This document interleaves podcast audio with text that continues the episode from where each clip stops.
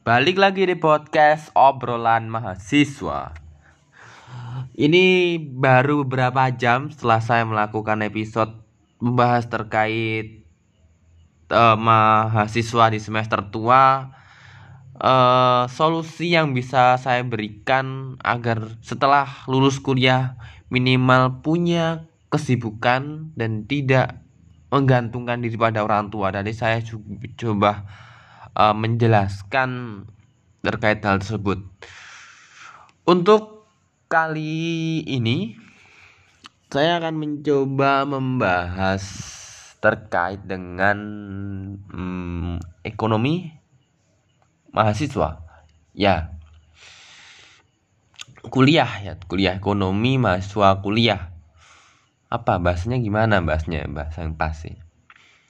Pokoknya intinya gini, yang ingin saya bahas pada episode ini intinya kalau gak kuat kuliah, jangan maksa kuliah itu.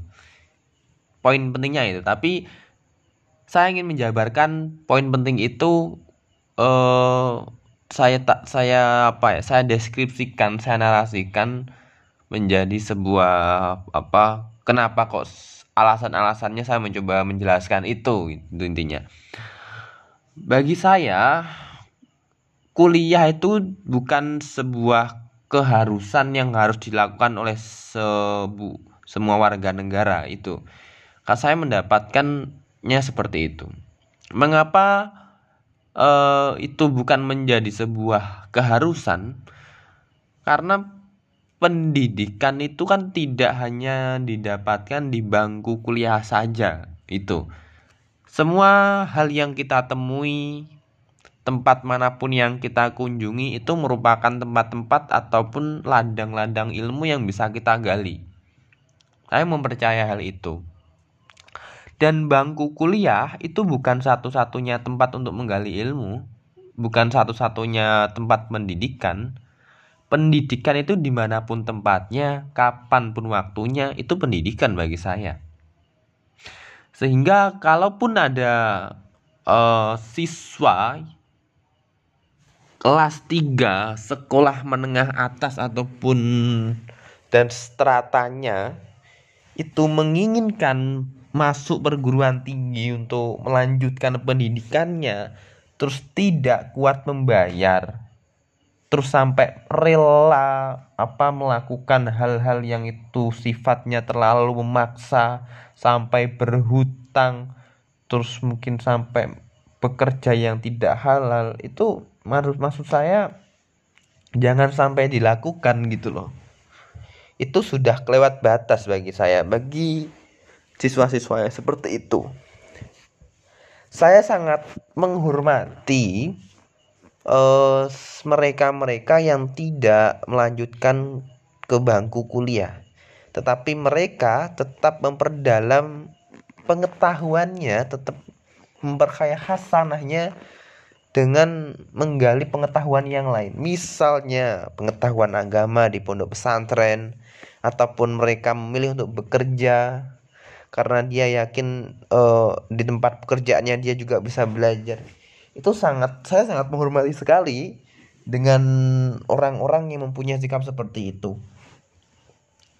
Karena sekali lagi per, uh, pergeseran antara sekolah menengah atas dan stratanya menuju bangku kuliah ini kan sebenarnya kan proses yang tidak mudah. Kita harus membayar bagi yang tidak mendapatkan beasiswa terus juga um, kebutuhan itu semakin tinggi itu adalah sebuah kewajiban yang harus kita penuhi. Saya sangat tidak setuju kalau terlalu ada diskriminasi antara seorang mahasiswa dengan siswa. Biasanya tingkat apa tingkat pengetahuan itu dinilai dengan ijazah yang didapat. Itu bukan patokan bagi saya karena jasa itu ya kita tahu sendiri bisa dibeli terus juga yang namanya kuliah kadang juga penting kita bayar ya kita nanti lulus dapat nilai bagus itu juga banyak kenyataannya. Makanya kita janganlah berterlalu men, terlalu mengagung-agungkan bangku kuliah. Dan bagi orang yang tidak kuliah jangan memaksa untuk kuliah. Kalau memang nggak mampu ya nggak usah nggak usah kuliah gitu kita juga banyak tokoh-tokoh besar yang mereka bukan berangkat dari perguruan tinggi mereka hanya lulusan SMA sederajat tetapi mereka menjadi seorang tokoh masyarakat yang sangat berguna di lingkungannya. Ini juga banyak tuh contohnya.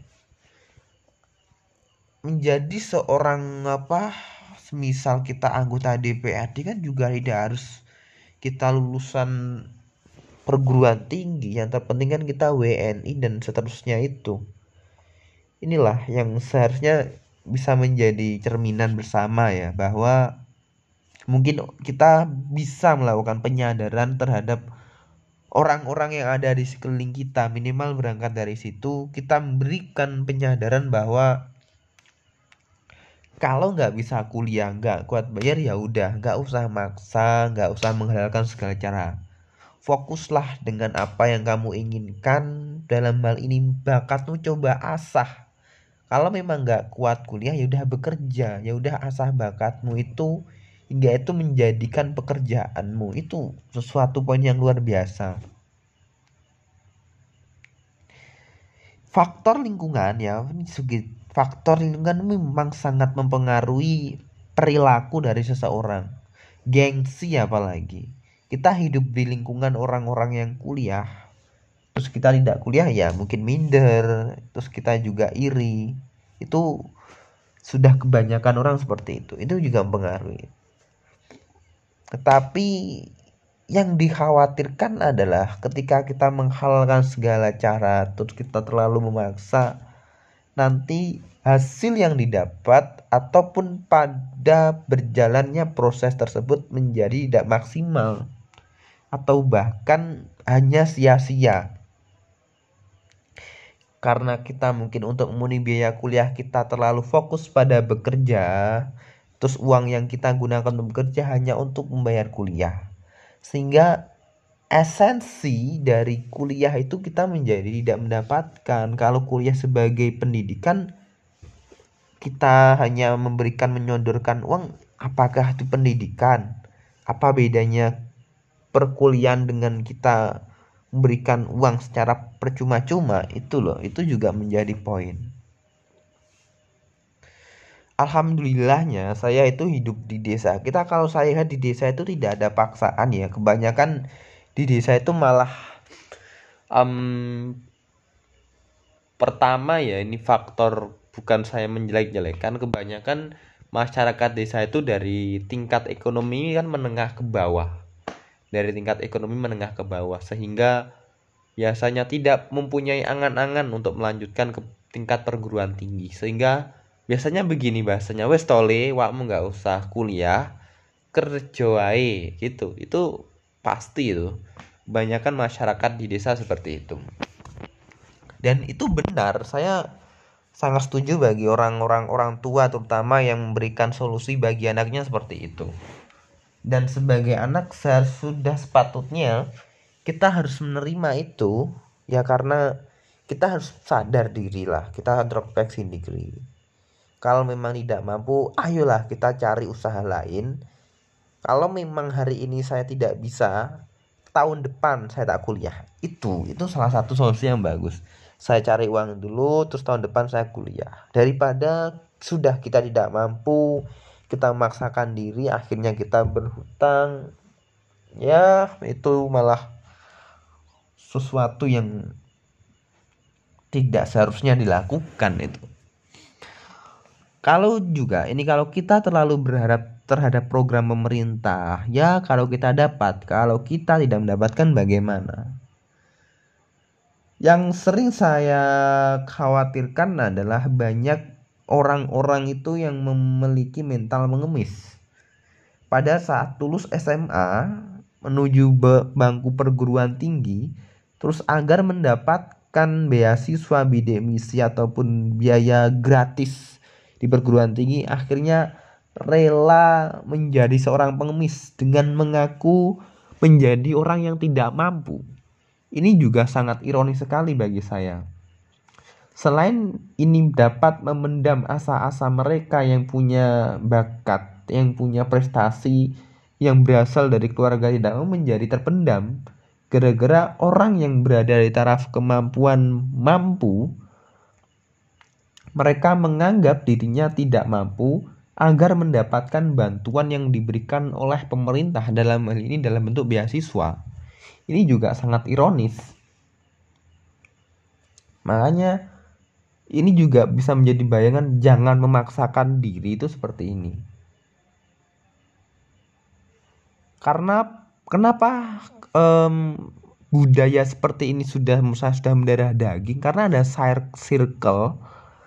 Kalau kita kuliah nanti kita dapat mendapatkan pendidikan apa ya uh, pekerjaan yang layak terus juga nanti kita sejahtera nanti kita dapat kuliah lagi. Itu circle yang menurut saya tidak mendidik di negara ini. Seharusnya apa pun pendidikanmu selagi kamu punya kemampuan, selagi kamu bisa ya udah kamu dapat layak mendapatkan hakmu, bukan seberapa tinggi gelar yang kamu dapat, seberapa besar kampus kamu tempat kuliah itu jangan menjadi patokan itu nggak adil sama sekali di negeri yang seharusnya uh, menerapkan prinsip Pancasila yaitu keadilan bagi seluruh rakyat Indonesia. Ini harus diterapkan uh, implementasinya seperti itu, saya kira. Oke, seperti itu untuk episode kali ini. Ya intinya poin pentingnya kalau tidak kuat kuliah ya udah nggak usah kuliah. Fokuslah dengan apa yang kamu inginkan, asah bakatmu. Mengasah bakat itu tidak hanya di bangku kuliah, dunia ini sangat luas saya sangat setuju apabila ada orang yang mengatakan alam raya itu sekolahku. Seperti itu, saya setuju banget kapan pun waktunya itu adalah tempat kita untuk apa menempa diri untuk memulai pendidikan di mana pun tempatnya itu juga salah satu tempat untuk kita menempa diri. Seperti itu kawan-kawan semuanya, terima kasih telah mendengarkan episode ini. Sampai jumpa di episode berikutnya. See you.